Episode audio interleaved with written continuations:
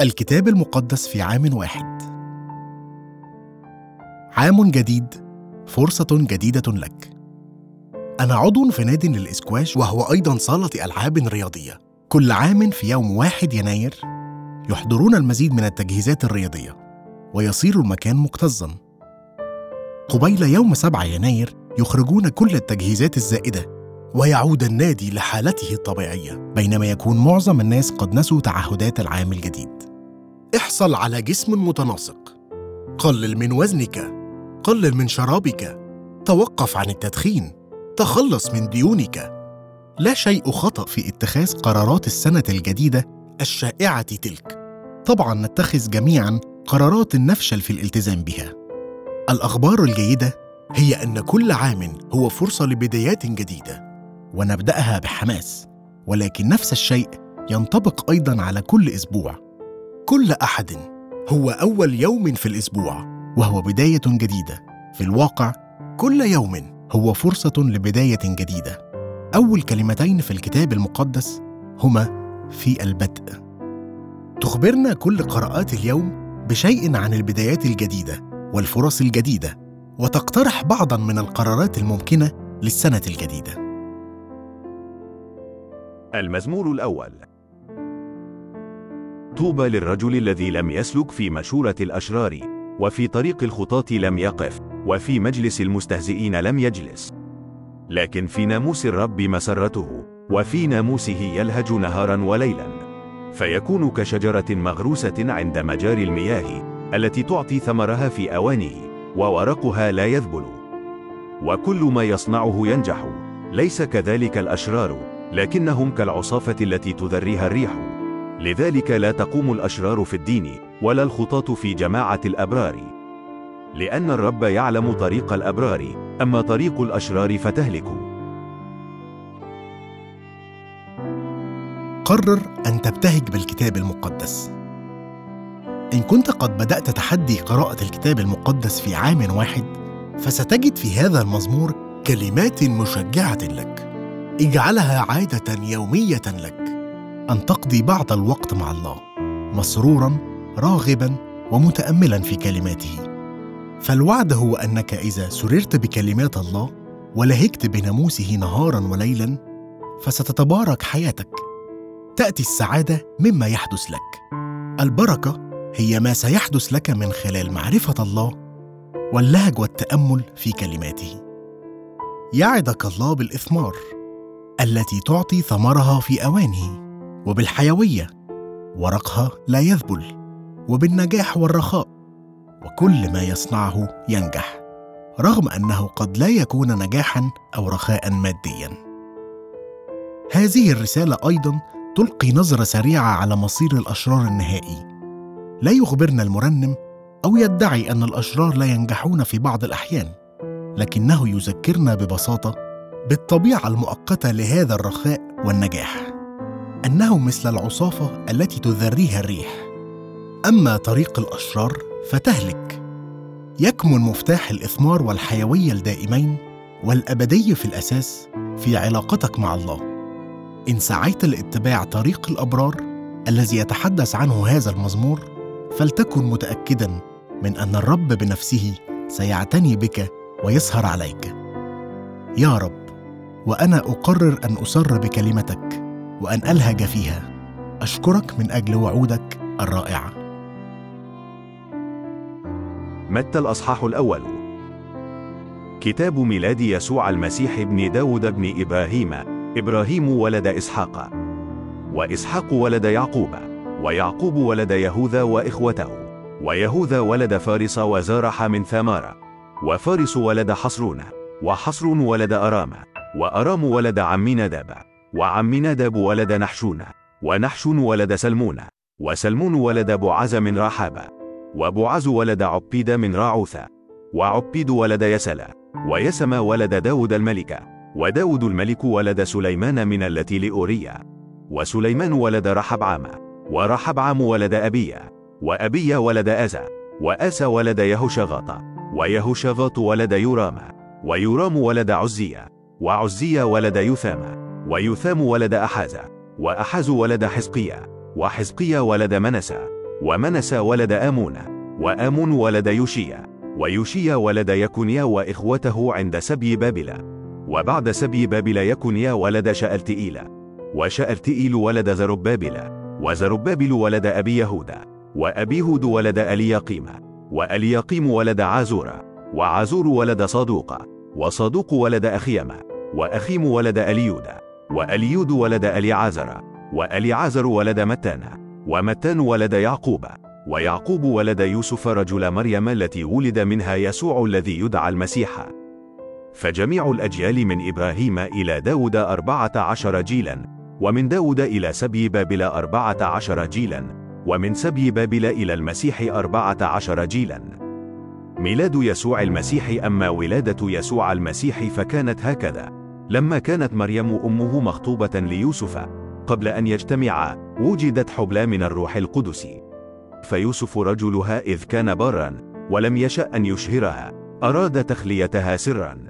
ولكن فيما هو متفكر في هذه الأمور إذا ملك الرب قد ظهر له في حلم قائلا يا يوسف ابن داود لا تخف أن تأخذ مريم امرأتك. لأن الذي حبل به فيها هو من الروح القدس.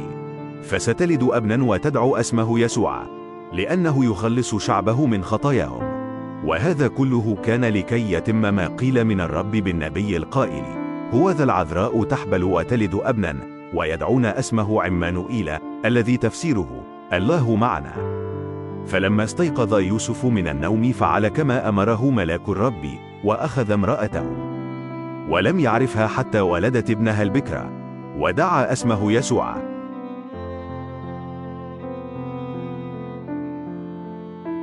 قرر أن تركز على يسوع. ينبغي أن يكون يسوع هو محور تركيز حياتنا. يدور الكتاب المقدس حول يسوع. يفتتح العهد الجديد بشجرة عائلته. من المشجع بينما نقرأ قائمة أجداد يسوع أن نرى أنها تضم الزانية سمار والعاهرة رحاب ورعوث المؤابية غير اليهودية وسليمان الذي حبل به بعد ذنا داود مع بثشبع والكثيرين أيضا. شكرا لله أنه يستخدم بشرا خطاة وبالتالي يمكنه أن يستخدمنا.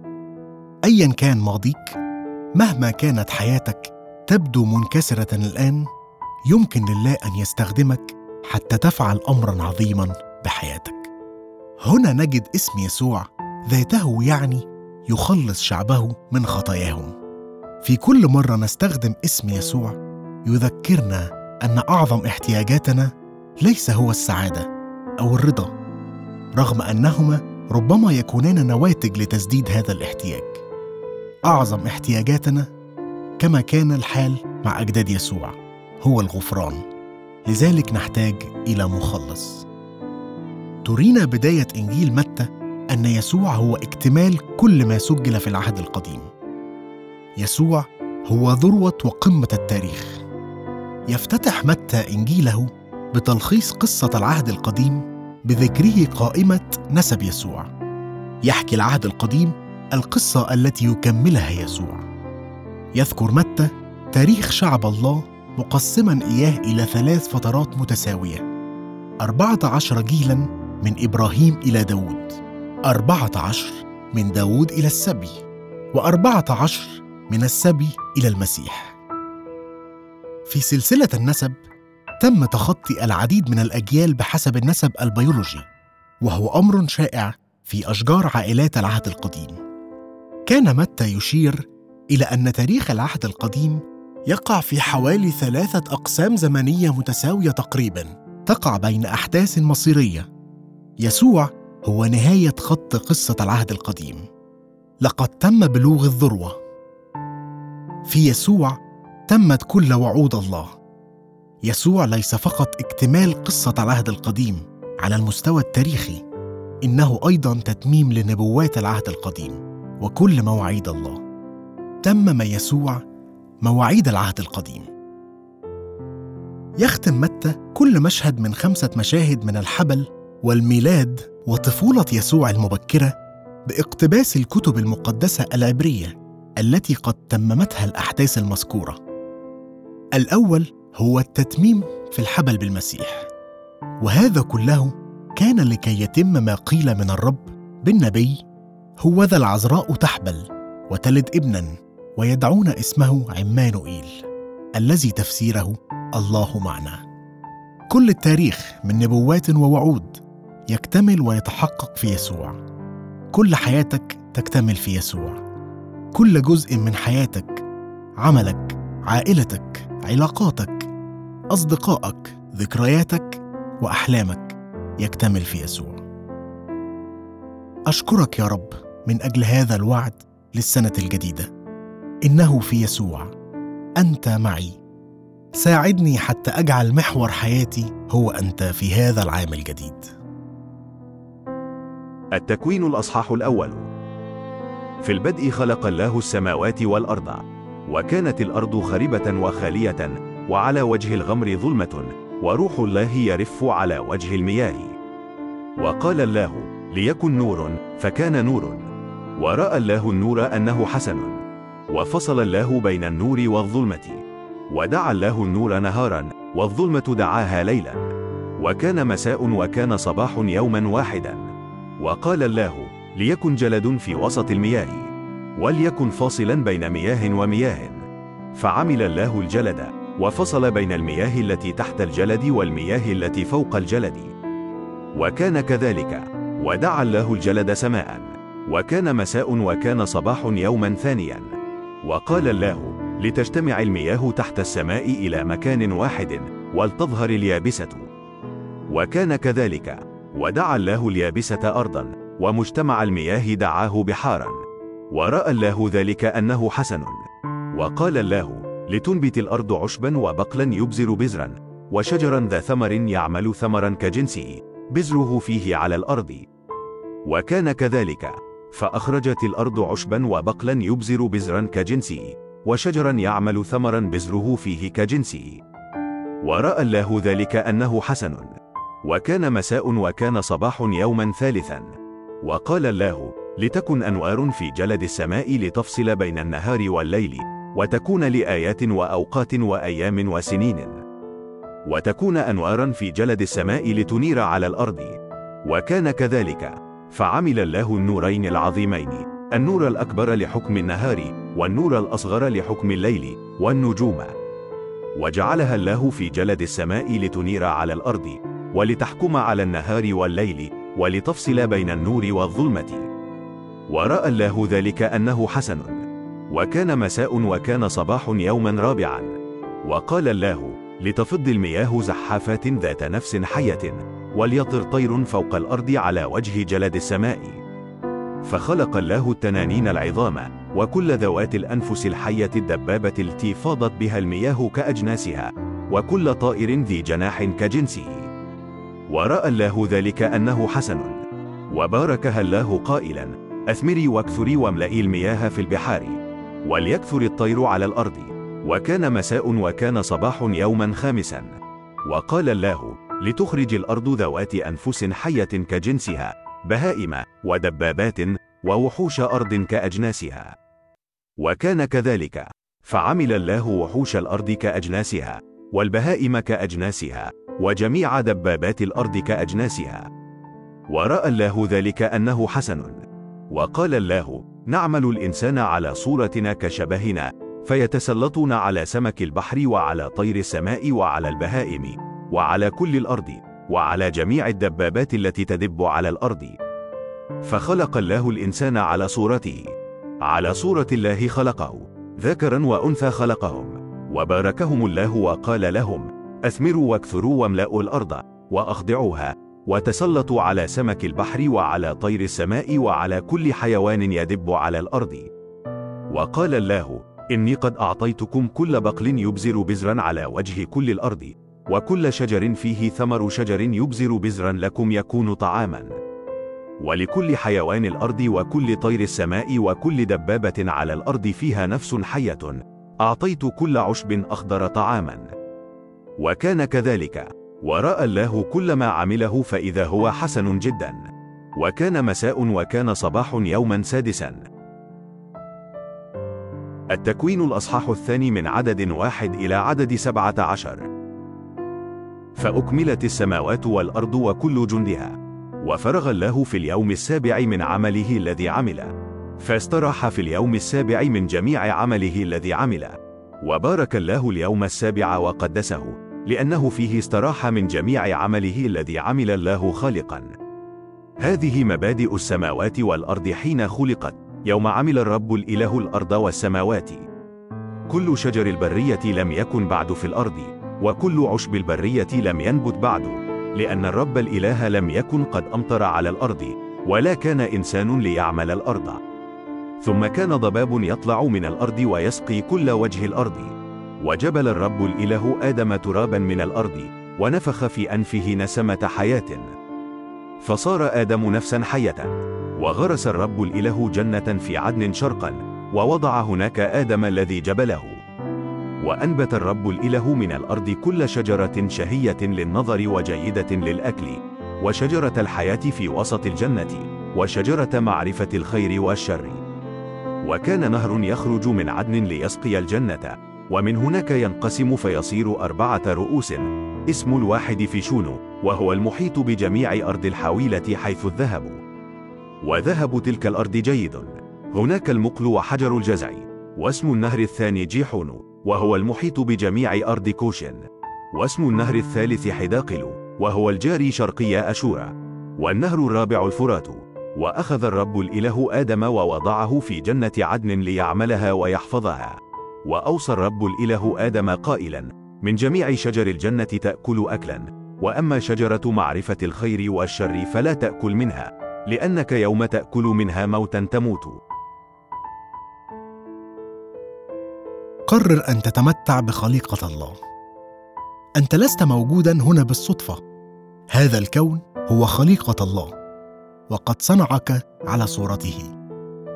يقدم سفر التكوين تقريرا عن بداية الكون وهو يذهب لأبعد من النظريات العلمية التي تسأل كيف ومتى بدأ هذا العالم.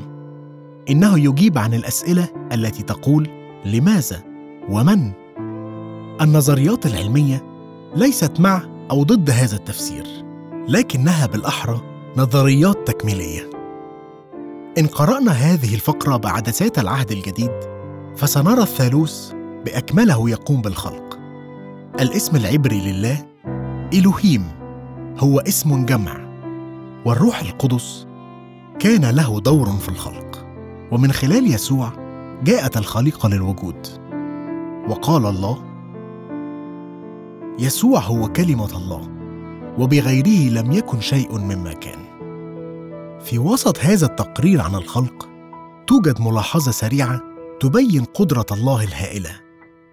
فعمل الله النجوم. إننا نعلم الآن أنه يوجد تقريبا ما بين 100 إلى 400 بليون نجمة في مجرتنا وحدها. وأن مجرتنا هي واحدة من حوالي 100 بليون مجرة. لقد صنعها كلها. هكذا بكل بساطة. ذروة خليقته كانت البشر. لقد خلقوا على صورة الله. إن أردنا أن نعرف كيف يبدو الله فإن الرجال والنساء معا. ذكرا وأنثى هم الذين يعكسون صورته. كل إنسان هو مخلوق على صورته. وينبغي أن يعامل بكرامة وإحترام ومحبة. قدرتك على أن تتواصل مع الله هي انعكاس لحقيقة أنك صنعت على صورته. يصادق الله على كل ما خلقه حيث قال أنه حسن. يشعر الكثير من الناس انهم بلا قيمة وغير آمنين وتافهين لكن الله لم يخلق نفاية.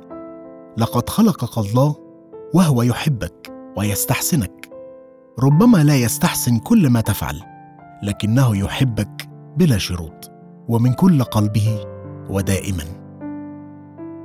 نرى في هذه الفقرة أن العمل هو بركة وأخذ الرب الإله آدم ووضعه في جنة عدن ليعملها ويحفظها. العمل هو جزء من خليقة الله الجيدة وليس نتيجة للسقوط. كما تذكرنا أيضا هذه الفقرة أن الاعتناء بالبيئة هو في قلب خطة الله للبشر. الراحة ليست اختيار من متعدد إنها ما فعله الله. أيام الراحة الإجازات والأعياد هي أيام بركات خاصة. وبارك الله اليوم السابع وقدسه. الإجازات هي أيام مقدسة فهي تشير لحقيقة أن الحياة في الأساس تدور حول ما نكونه لا ما نفعله. لا تشعر بالذنب بخصوص أن تأخذ وقتا للراحة. الإجازات جيدة في حد ذاتها كما أنها وقت لتعيد شحن طاقتك الروحية. لا تعمل بجدية مفرطة. لقد أخذ الله وقتا للراحة وليتمتع بما صنعه. لا يفترض بك أن تعمل بلا توقف. لقد خلقت وبك حاجة للاسترخاء والراحة أي أن تأخذ وقتا لتستمتع بعملك وبثمر عملك. نرى في تكوين والإصحاح الثاني الأعداد السادس والسابع عشر. أن الله أعطى آدم وحواء اذنا بعيد المدى. من جميع شجر الجنة تأكل اكلا مع وجود نهي واحد. وأما شجرة معرفة الخير والشر فلا تأكل منها. وقد حذرهما من العقوبة إن عصيا لأنك يوم تأكل منها موتا تموت. أنت لست بحاجة لأن تعرف وتختبر الشر. أرادك الله أن تعرف الخير فقط. أشكرك يا رب من أجل هذا الكون الذي صنعته. ساعدني لكي أبقى بعيدا عن الشر تماما وأن أتمتع بكل الأشياء الجيدة التي أعطيتها لنا لنتمتع بها. متى الأصحاح الأول عدد ثمانية عشر وتسعة عشر؟ أما ولادة يسوع المسيح فكانت هكذا. لما كانت مريم أمه مخطوبة ليوسف قبل أن يجتمعا وجدت حبلى من الروح القدس. فيوسف رجلها إذ كان برا ولم يشأ أن يشهرها. أراد تخليتها سرا. كم كان هذا صعبا على مريم بلا شك وعلى أبويها وعلى يوسف. لابد وأنهم شعروا بالخجل والعار. ونلاحظ لماذا تم اختيار يوسف ليكون زوجا لمريم؟ لقد كان شخصا مثيرا للإعجاب جدا. فقد كانت الفتاة التي كان على وشك الزواج بها حبلى. وبالقطع سيكون له مبرراته لو أنه تصرف بحدة. إلا إنه لم يرد أن يذلها فخطط أن يخليها سرا. ونرى كيف تصرف بعدما ظهر له ملاك في حلم وأخبره أن يتزوج بمريم. لابد وأن الأمر استلزم وجود الإيمان حتى ينحي جانبا ما فكر فيه الناس ويربي طفلا لم يكن ابنه.